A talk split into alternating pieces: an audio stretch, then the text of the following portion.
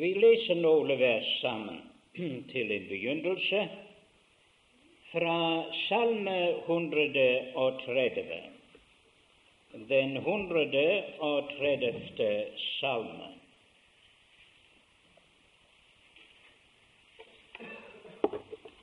Salme 130, og det er vers 4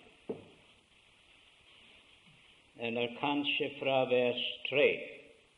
Dersom du, Herre, vil gjemme på misgjerning, Herre, hvem kan da bli stående? For hos deg er forlatelsen, for at du må fryktes. Vi leser nå noen vers fra i uh, Romerbrevet kapitlet 5. Romerbrevet kapitlet 5.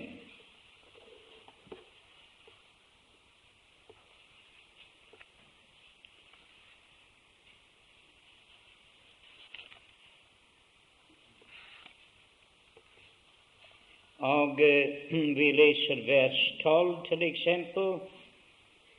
Derfor like som synden kom inn i verden ved et menneske, og døden ved synden, og døden således strengt igjennom til alle mennesker fordi de eh, syndet alle. Vers 17. For kom døden til å herske ved den ene på grunn av den enes fall, så skal meget mere de som får nådens og rettferdighetsgavens overvettes rikdom, leve og herske ved den ene Jesus Kristus. Altså, like som ens fall ble til fordømmelse for alle mennesker, Således ble også ens rettferdige gjerning til livsens rettferdiggjørelse for alle mennesker. For like som de mange er blitt syndere ved den ene menneskes ulydighet, så skal også de mange bli rettferdige ved den enes lydighet. Men loven kom til for at fallet skulle bli stått. Men hvor synden ble stor, ble nåden enda større. For like som synden hersket ved døden, så skal også nåden herske ved rettferdighet til et evig liv ved Jesus Kristus, vår Herre. Nå, Vi leser også i Efeserbrevet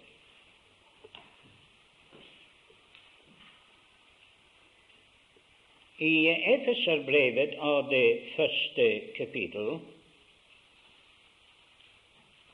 og der i det syvende vers, i hvem vi har forløsning?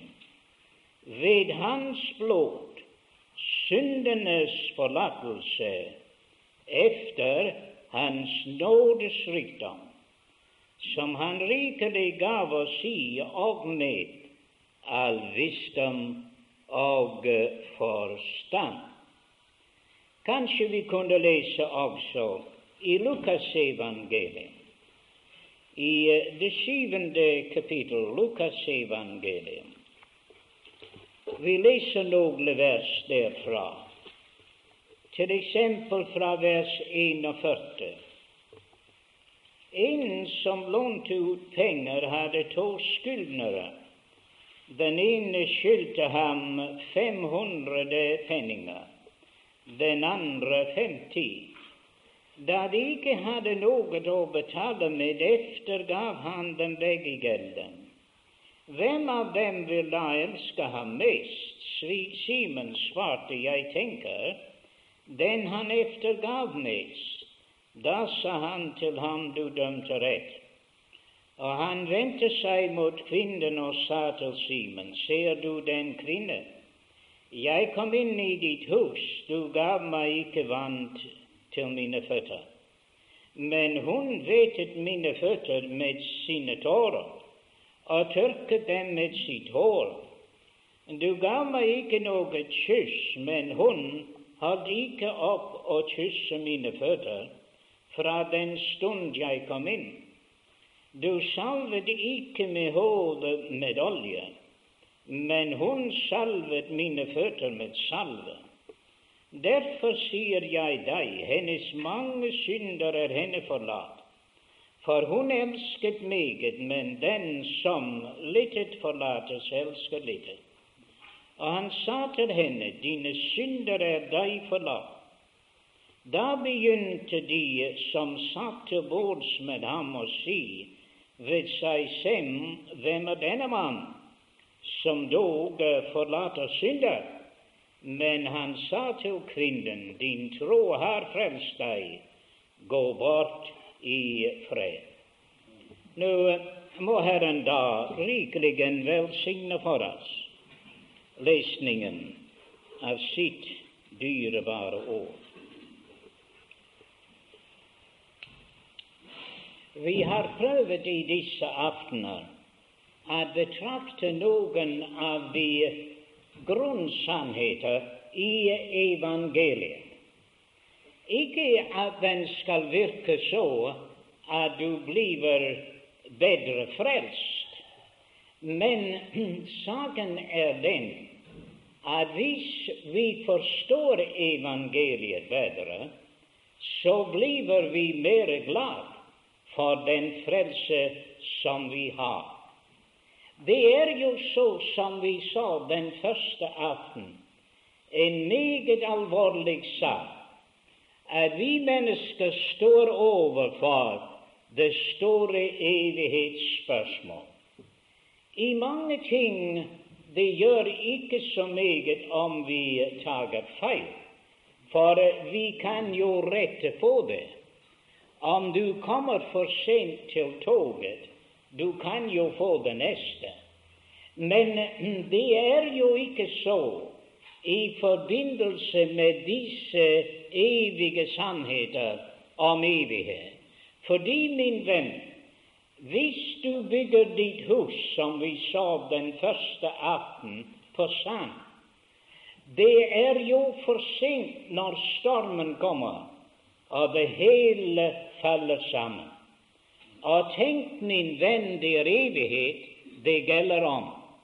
At din evighet blir forferdelig fordi du tok feil av det grunnvalg som du bygget ditt evige håp på. Så derfor er det meget, meget viktig at du er klar over dette, at du har bygget ditt håp for evighet nemlig på den rette grunnvalg. Nå, Vi så også at saken var jo den at i vår forhold til Gud at Gud han må være bred, fordi at han er hellig, og han er rettferdig, og han kan ikke have samfunn med synd. Han må dømme synd. Og det er jo så forferdelig for oss å tenke dette.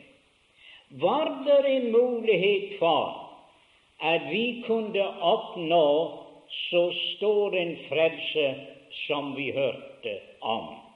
Det var aldeles umulig. Mennesker kunne ikke finne en vei inn til Gud. Mennesker kunne ikke finne en frelsesvei.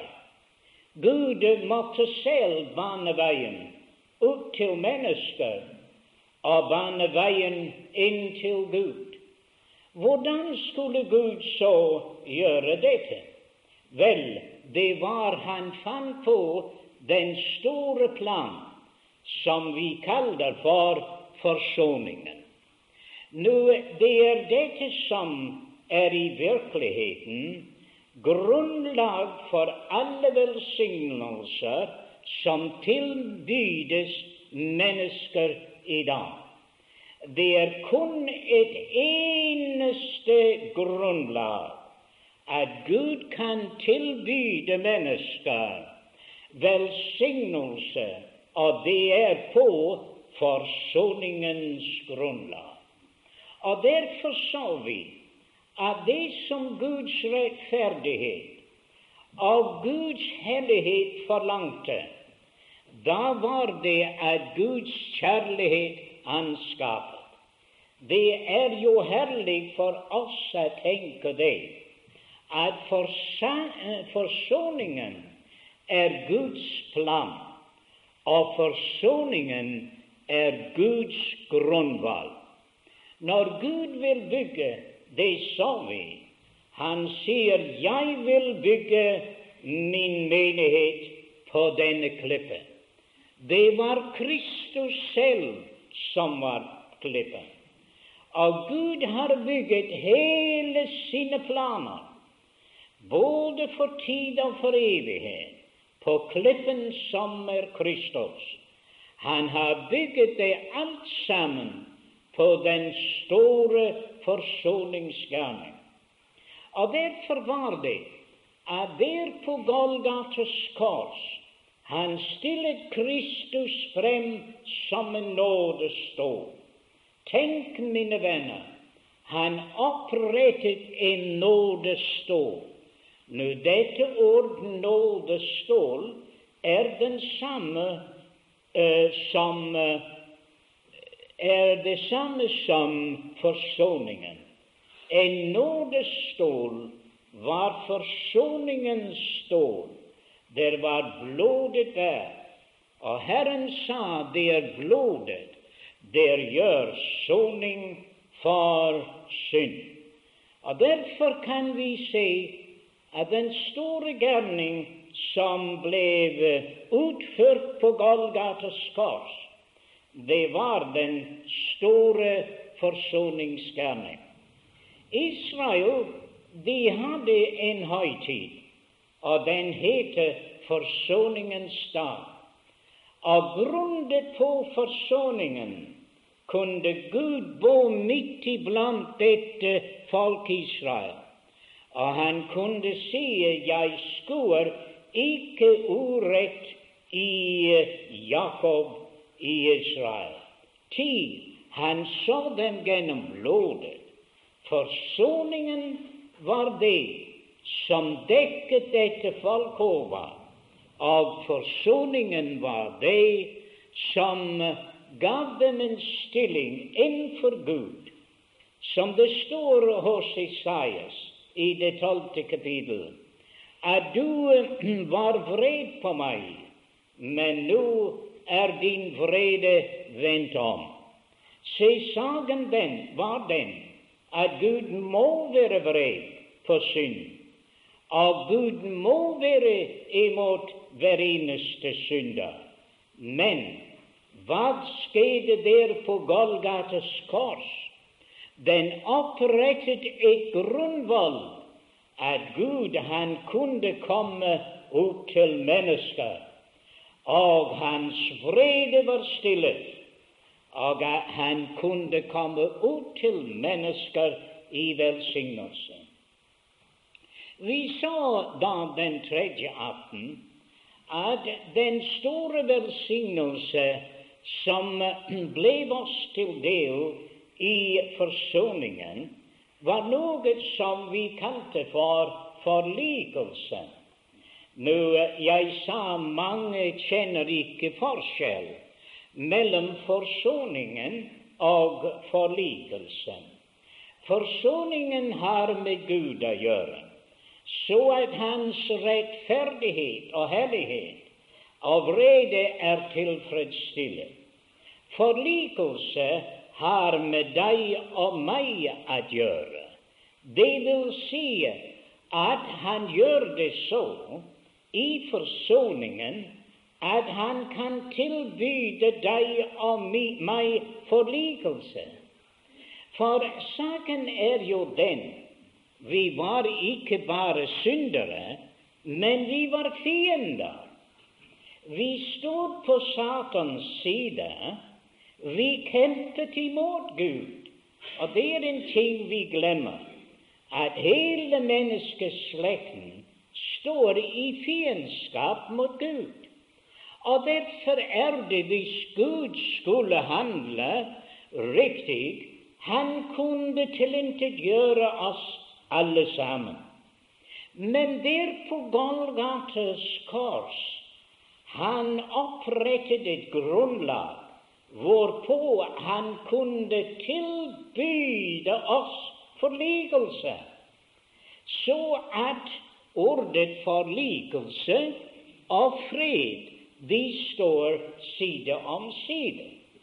For når Gud erklærer fred i Kristi blod, da er det han kan tilbyde deg og meg forlikelse. Han sier de fiendtlige tilstand er opphørt.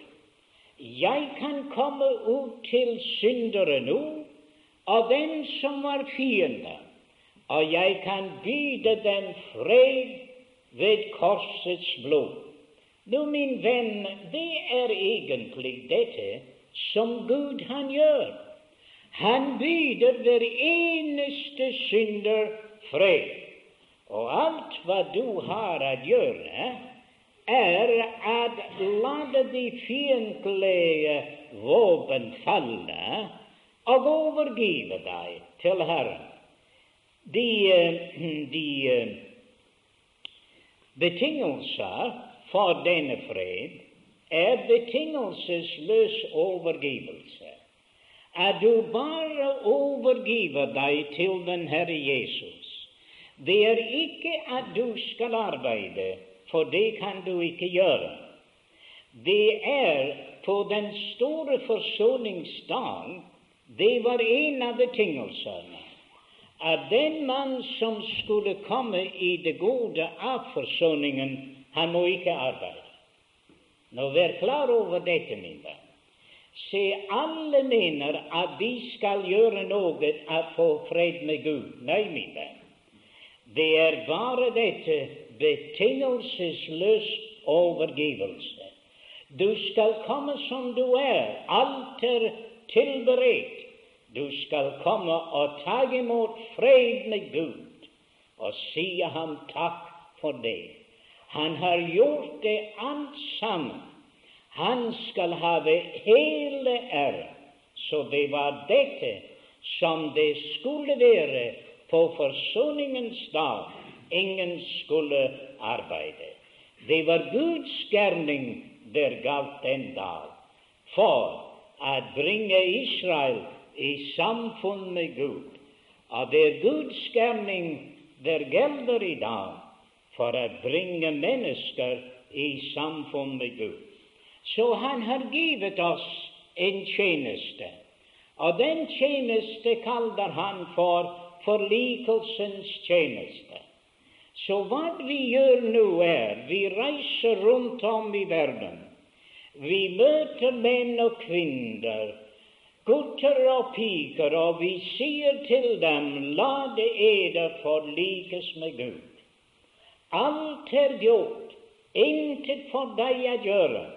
Fred er eh, erklæret, og alt hva du har å gjøre, er å ta imot det.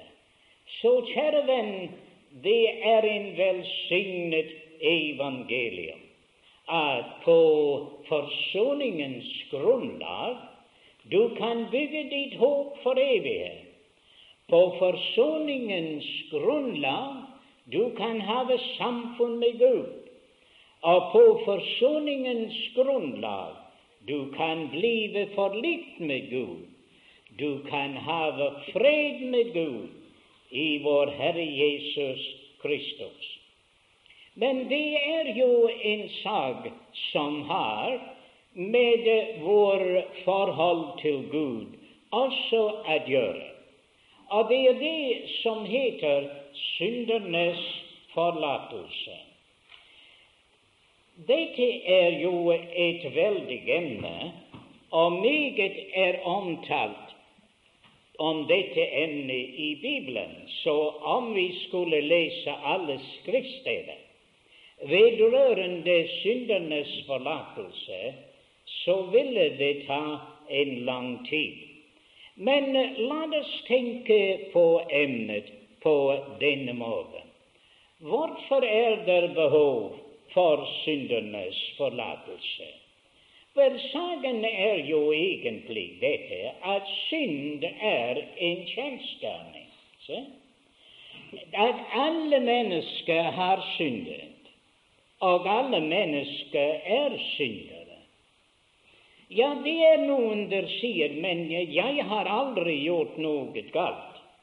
Vel, min venn, du må være en unntagelse.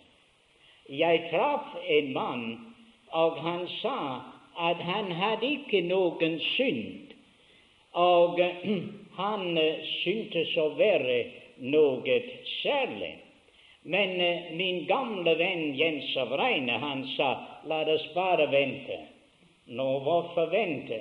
Ja, sa han, vi skal se om han dør. For hvis han ikke har synd, så dør han ikke. Men mannen er død, mine venner, så at det var ikke riktig hva han sa. Se, Guds ord sier dette, at om vi sier at vi ikke har synd, da dårer vi oss selv. Nå se, det er to ting.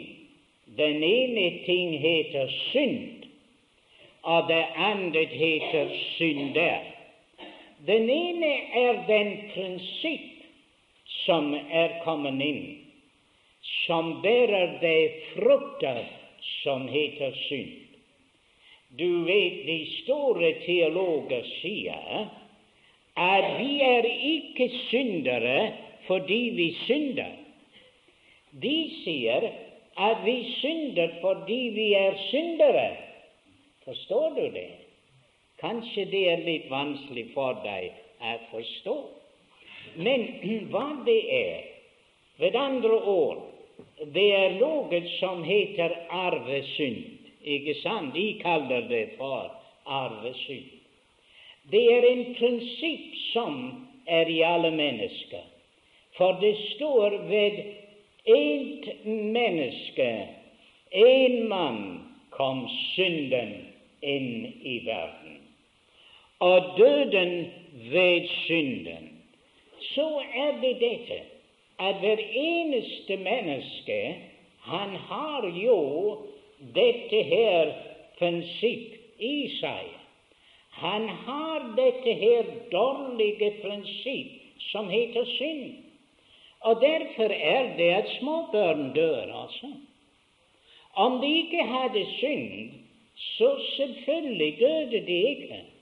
Men prinsippen er i oss alle sann, Og døden ved synden. Så døden kommer til alle. For alle mennesker, de har synd i seg. Og det er like mye hva de gjør med småbarn. Det hindrer ikke, og det hjelper ikke at den syndens prinsipp som er i oss, den blir i oss. Like meget hva mennesker sier de kan gjøre for at døde arve synden i det små barn. Tid vi er syndere. Men derfor, fordi vi er syndere, den virker i oss, og den bærer frukt. Så det kommer til å skje at vi synder. Det er visstnok et vers i Bibelen som sier noen at de farer vill så snart de er født, idet de taler løgn. Der var en der kom til en irlender, og han sa der kan du se at Bibelen er ikke sant. For småbarn, de kan ikke uh, lyve. Nå, sa den her irlender, hvor mange barn har I? Og var, han hadde ikke noen barn. Han var jo ikke gift. Men Han sa vi har jo flere der hjemme, og den minste der, han sa, den greter og skriker, og det er ikke spor i veien den, sa han.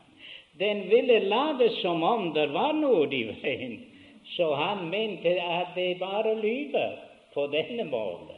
Ah, ja, så det var jo ikke så galt som Bibelen var ikke så meget forkert. Kjære venner, det er dette at i oss alle er syndens prinsipp, og som tiden går, så bærer den frukten. Og derfor er det at man kommer til å synde, fordi den prinsipper i oss. Og den prinsipp fører til døden. Og Det er derfor at vi mennesker vi er under døden under lag, fordi at vi er født av Adam, slekt, og derfor er vi et syndig slekt av syndige mennesker. Og den som sier at han ikke har synd, han dårer seg selv. Og den som sier at han ikke har syndet, han gjør Gud til en løgner. Fordi Gud sier alle har syndet og fattes æren fra Gud. Så her står vi jo alle sammen, og vi står alle sammen på samme måte. Vi er alle sammen syndere. De taler om store syndere, og de taler om små syndere, men det er jo ikke spørsmålet. Spørsmålet er at alle har syndet og fattes æren fra Gud. Så derfor er det at du og jeg er like så interessert i at få vite noe om syndernes forlatelse, fordi du er en synder, og fordi jeg er en synder. Det er ikke alle det er kommet til det som vi kaller for syndens erkjennelse. Ja, det er jo en helt annen sak. At synden, den blir for oss en byrde. Men det er dette at Ånden er i verden, at overbevise om synd. Og den største av alle synder og det det vil avgjøre ditt evig skjebne, er om du forkaster Jesus som frelser. For den synd er der intet tilgivelse. Min venn, det er jo en forferdelig ting av synd fordi de tror ikke på meg. Men Guds ord og Guds ånd den overbeviser mennesker om synd. Det lader dem se hvor de er, og bringer dem til syndserkjennelse. Jeg leste forleden flere skriftsteder og om sa 'Jeg har syndet'. Jeg har syndet. Det var Akon sa dette. William den falske profet, han sa dette. Judas sa dette. Men for disse mennesker, ja, faro tror jeg også sa dette, men for disse mennesker hadde det litt betydning at de kom til synserkjennelse. Fordi, min venn, de kom ikke til troen på Guds sønn. Men det var andre der kom til synserkjennelse, og en av dem var David. Og David sier, 'Jeg har syndet'. Og David falt for Gud, bekjente sin synd, og Gud i sin nåde skjenket ham syndernes forlatelse så at han kunne si i Salme 32 Salige er den mann hvis synd er forlatt, hvis gjeld er betalt. Kjære venner, det er herlig at oppleve syndernes forlatelse. Men den som sa dette også, var den fortapte sønn. Han sa, 'Jeg har syndet mot himmelen og for deg', og er ikke verdig at kalles din sønn. Men han kom til Faderen, og han ble forlikt med Faderen. Han fikk syndernes forlatelse og forlikelsens kyss. Venner, det er stort at kjenne til syndernes forlatelse.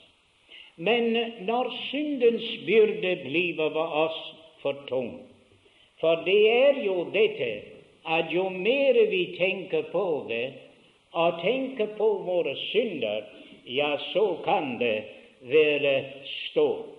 Så vi kommer til å være som pilegrim i pilegrimsvandring.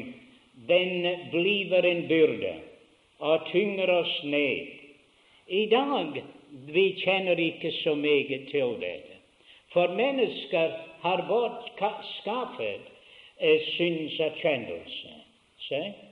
De har forandret lovene.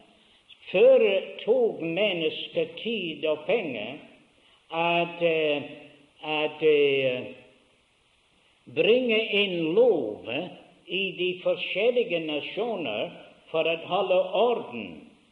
Og da gjorde de at folk som overtrådte disse lover, de ble syndere. Og da hadde de en samvittighet, og de følte at de var syndere. Men nå må de ikke følge dette. Så vi avskaffer disse lovene nå, så at mennesker kan gjøre disse ting uten at ha noen samvittighet om det. Ja, og til og med nå kan de drepe mennesker, og det er ganske lovlig hvis du bare får den første sjansen. Så det er jo dette at det er forferdelig hvordan det er. Men innenfor Gud synder synd. Og hver eneste menneske skal stå innenfor Gud. Og vi er ansvarlige mennesker alle sammen overfor Gud, for vi har syndet. Det var en doktor i Amerika, doktor Wilson, og han skulle ha en, en sekretær. Og han adverterte, av en ung dame hun eh, kom for å få den stilling. Han var en troende mann, så etter han hadde talt med henne og syntes å være tilfreds med henne, så uh, var det at hun fikk stillingen. Men så talte han litt med henne en dag om disse spørsmål om synd, og hun var helt arg. Hun sa, 'Ja, men jeg er en god pike', sa hun. Ja, men, sa han, du har jo i hvert fall begått én synd, mon ikke? Og eh, ja, da husket hun på at hun kunne være litt hissig av og til. Ja, kanskje to eller tre synder. For eh, det er synder at man overtreder hva man skulle, og så er det synder på denne måten at man ikke gjør det som man burde. Og det er jo forskjellige slags synder. Jo, jo, ja, kanskje tre om dagen, sa han. Ja, måske var det så. Og så laget han en regnestykke, så at om året da ble det så mange. Og ja, hvor gammel var hun? Jo, kanskje 30 år. Ja, ja, så ble det multiplisert med 30. Og da var det et fryktelig antall. Og under det skrev alt sammen begått av en god pike. Så var det ikke mer sagt. Hun gikk hjem, men Guds ånd brukte det.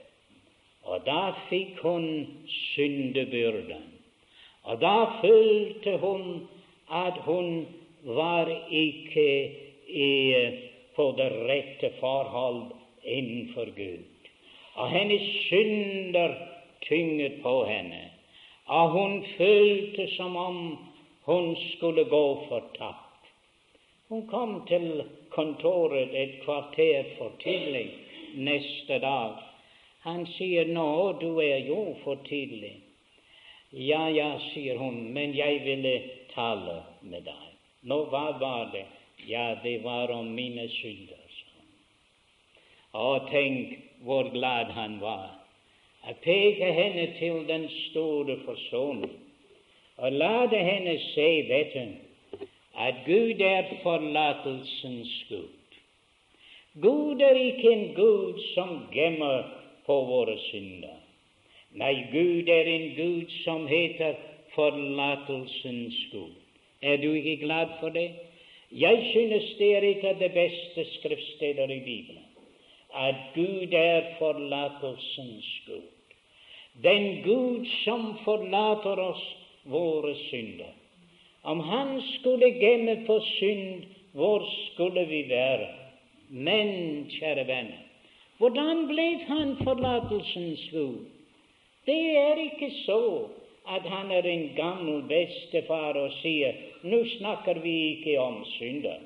Nei, mine venner, Gud tok det mer alvorlig enn så. Han kan skjenke oss syndernes forlatelse fordi det er noe der heter forsoningen.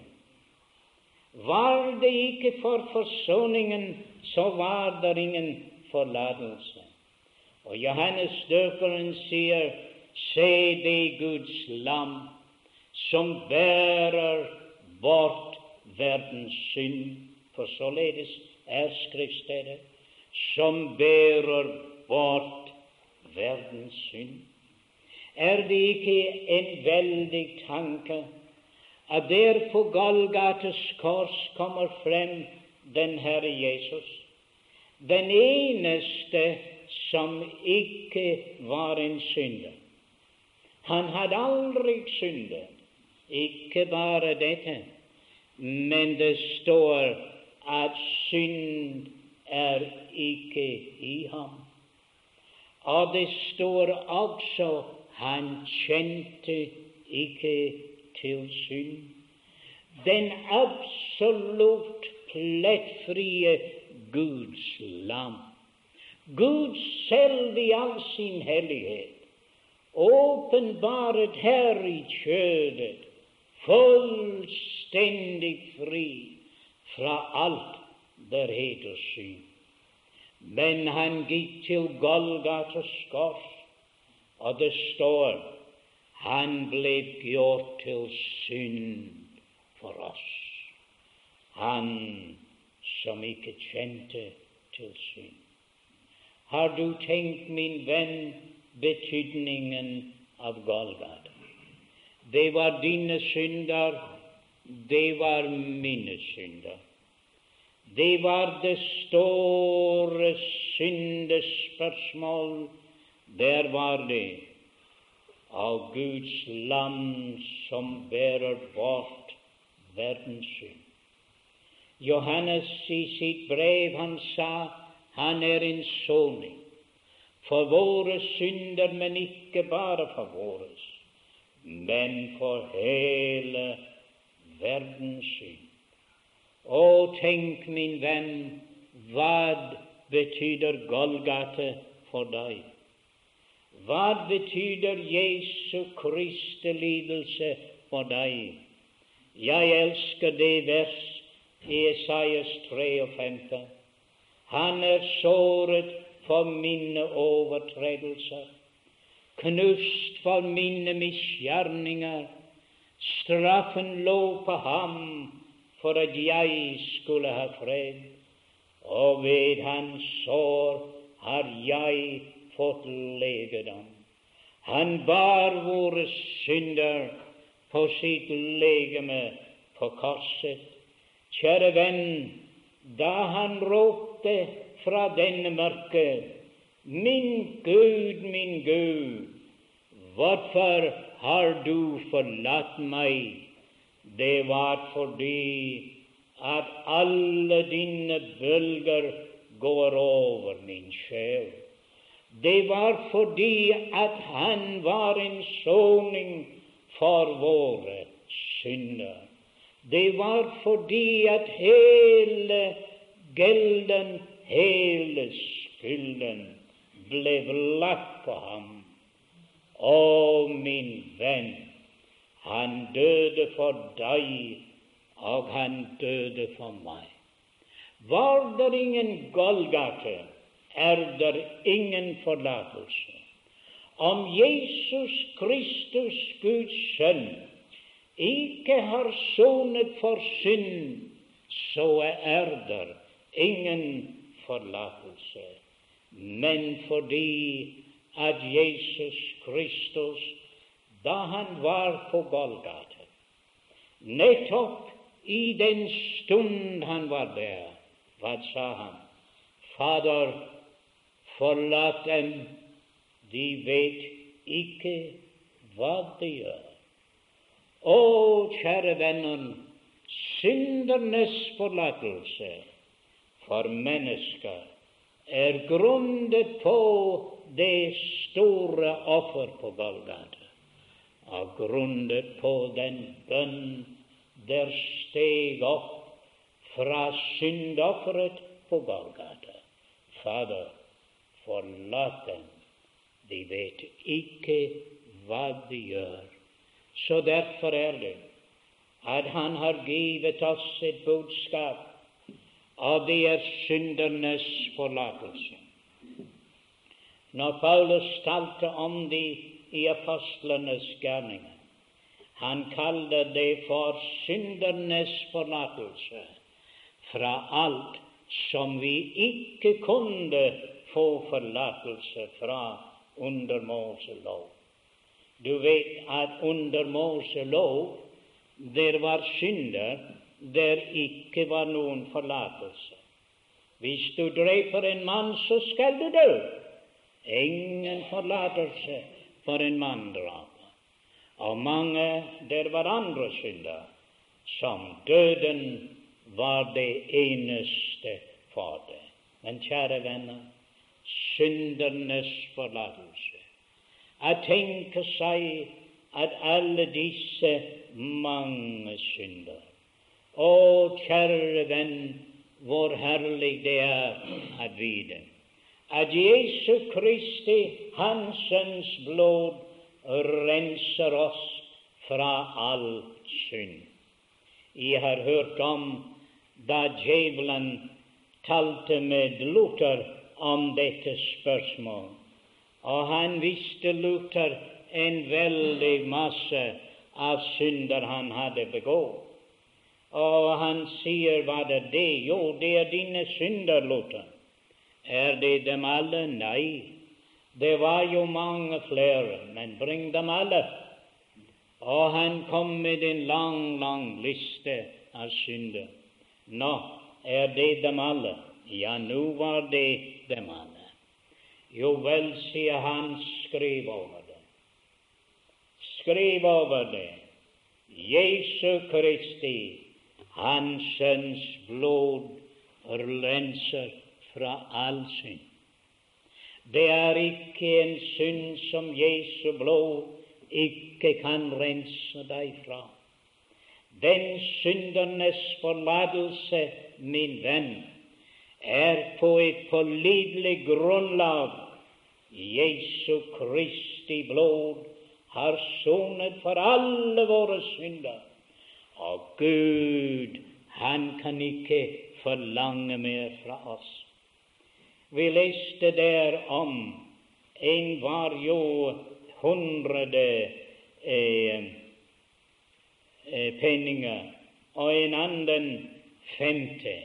Men det var jo så den store skyldna, han hadde ikke noe å betale med. Den mindre skyldna, han hadde ikke noe å betale med.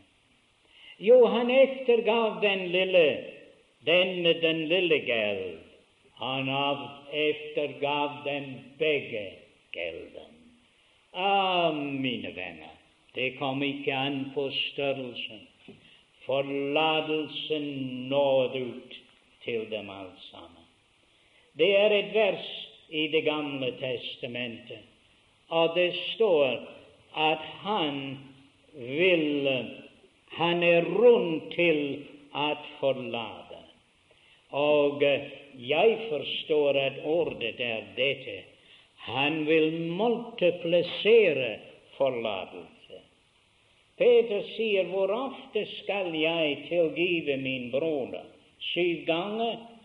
Peter kunne telle opp til syv. Men Herren sier du skal opp i en annen klasse, Peter, hvor de multipliserer.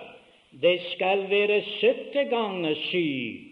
Ah, Gud multipliserer forlatelse.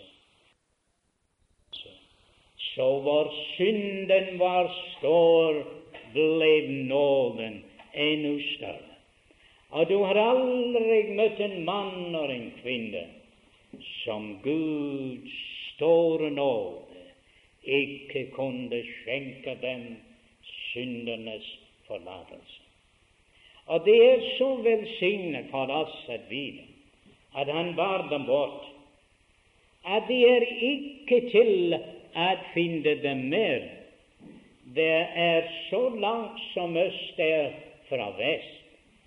Så langt har Han fjernet våre synder og overtredelser fra oss. En skoledreng vil fortelle deg hvor langt det er fra nord til syd, men han kan ikke fortelle deg hvor langt det er fra øst til vest. Så derfor er det så langt som Østen er fra Vesten. Å, tenk, mine venner, dine og mine synder er fjernet fra oss. Det står et vers, og det står 'Jeg har utslettet alle dine misgjerninger'. Det var det som faren han ville, Den lille gutt han ville vite hva dette ord 'utslettet' betyr. Og Fader fikk ham en tavle for og de skrev noe på den. og så visket han det av. Ja, hvor er det nå? Ja, det var ikke til å finne. Det var borte. Han har utslettet alle våre synder. Og jeg synes at dette er jo en veldig sannhet. Det er jo borte fra Guds åsyn. Våre synder er fjernet fra Guds nærværelse din og min samvittighet, ja, det er også fjernet derfra. Men det står han har kastet deres synder bak hans rygg i havets dyp. Å, tenk, mine venner, de er borte. Folk kaster ting i havet som ikke de skal ha mer bruk for. Og det er dette dine og mine synder, de er borte. Men det vers som for meg er best, er den som står i Hebreerbrevet. Og der står det eders synder og eders overtredelser vil jeg ikke mer komme i hu. Det er en herlig sannhet der. Der var en mann jeg hørte i Skottland tale, og han sa at Gud kunne ikke glemme. Han sa at glemme det var et tegn på alderdom, og at man var blitt gammel. Men eh, mine venner, jeg lovet ham ikke, og vi skulle ikke si at Gud kunne glemme. Men jeg lovet ham ikke at jeg ville si det, så at jeg ikke ville si det. For eh, jeg kan si det at Gud kan glemme. Du sier 'hvordan kan Gud glemme'? Det er det. Du og jeg glemmer det vi burde huske.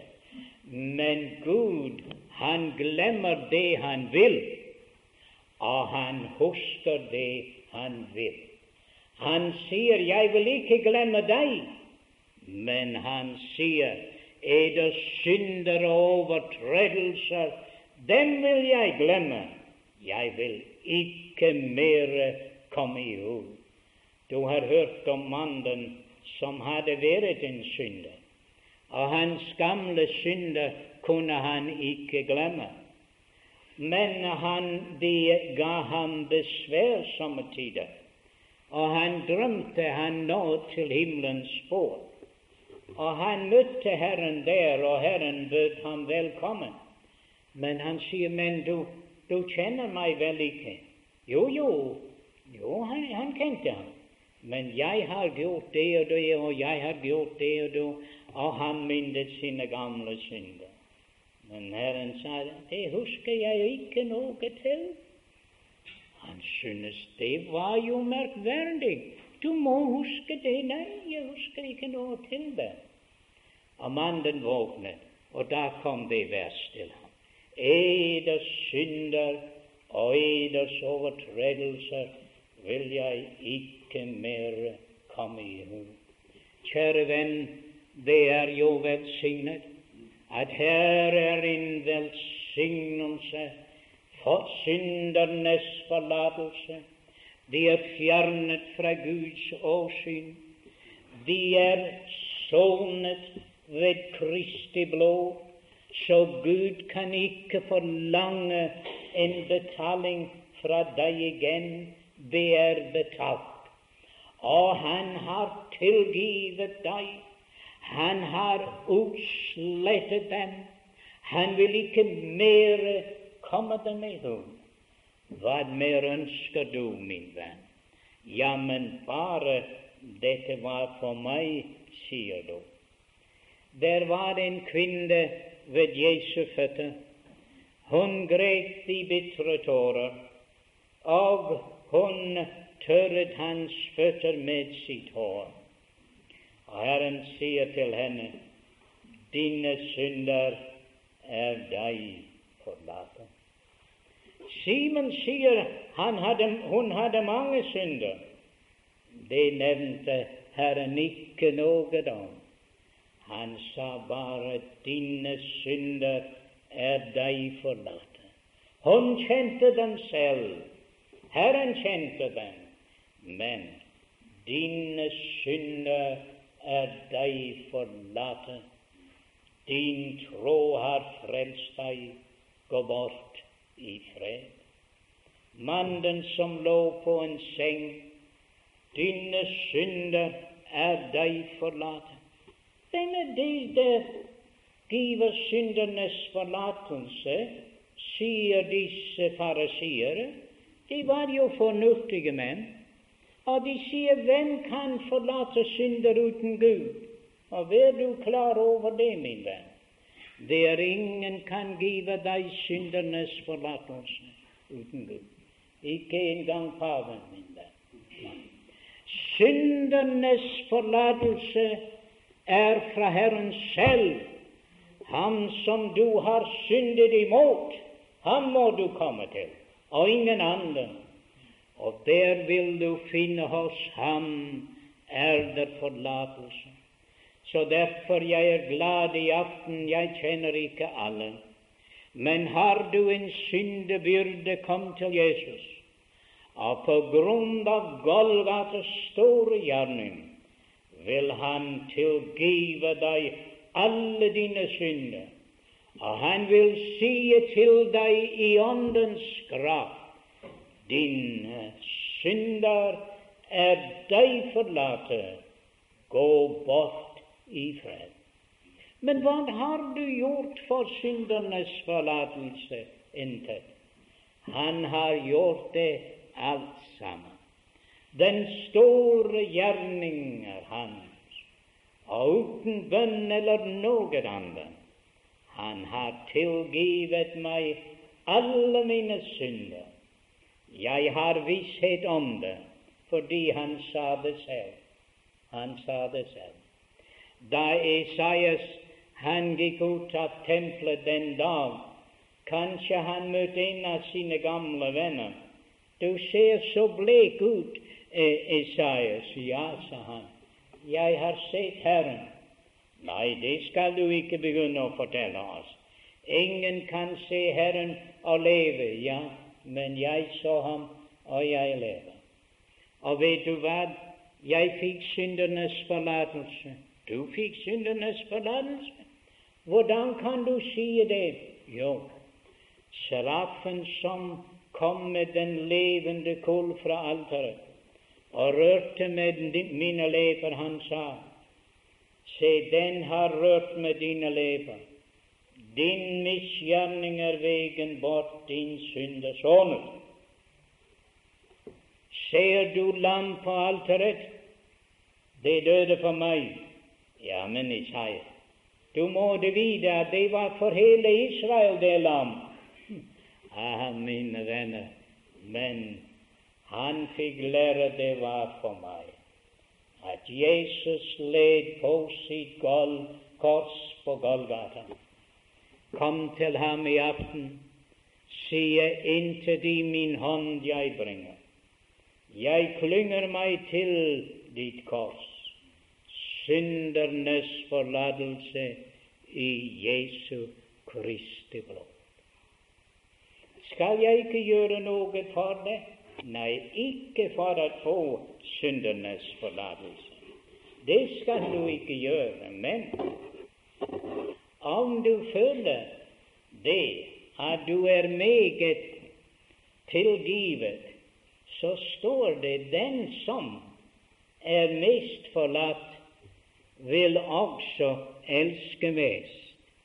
Så at du har fått syndernes forlatelse, og du sier 'jeg har vært så stor en synder', ja, vær så god, så kan du elske ham meget. Ikke sant? Nettopp det.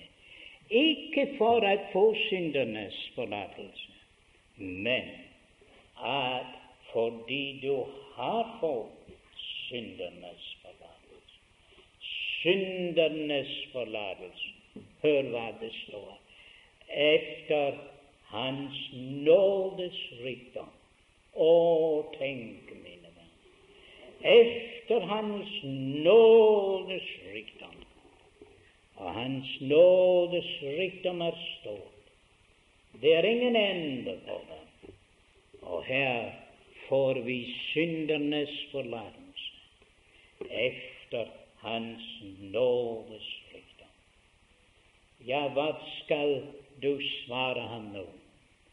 Skal du ta imot syndernes forlatelse?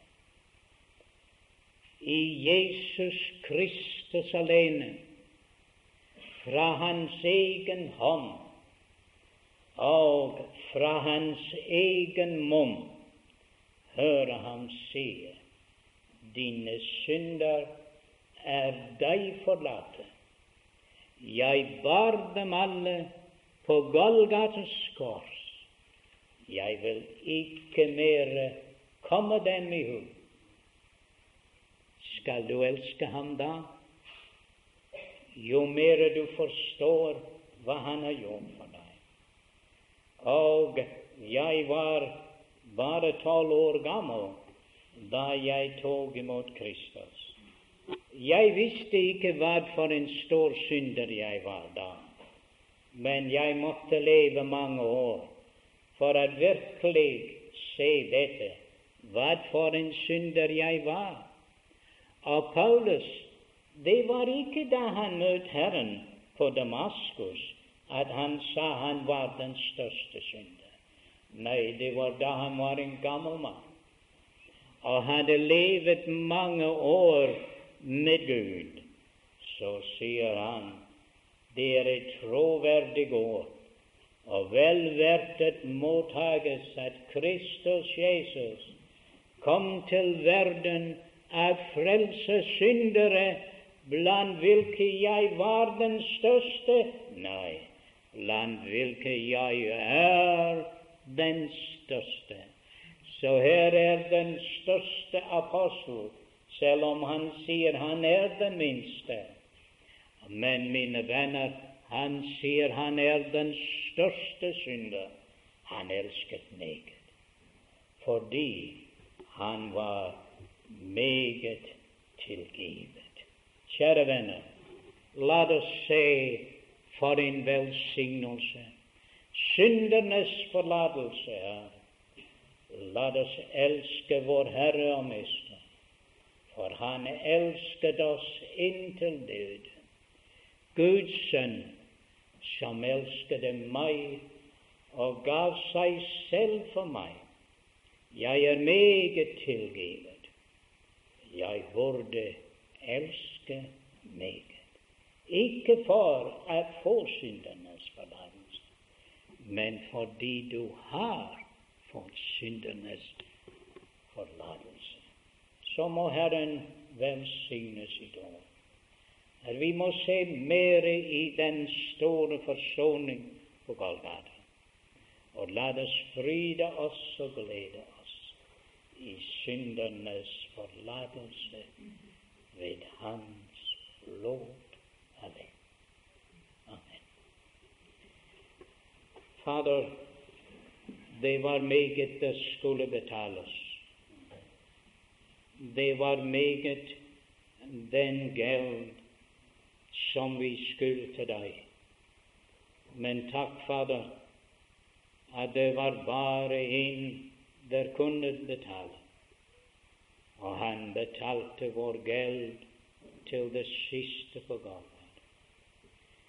Så vi hører deg, Herre Jesus, med gjennom våre hender og føtter.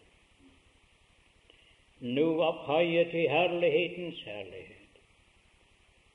Vi hører deg sie, dine synder er deg forlatt.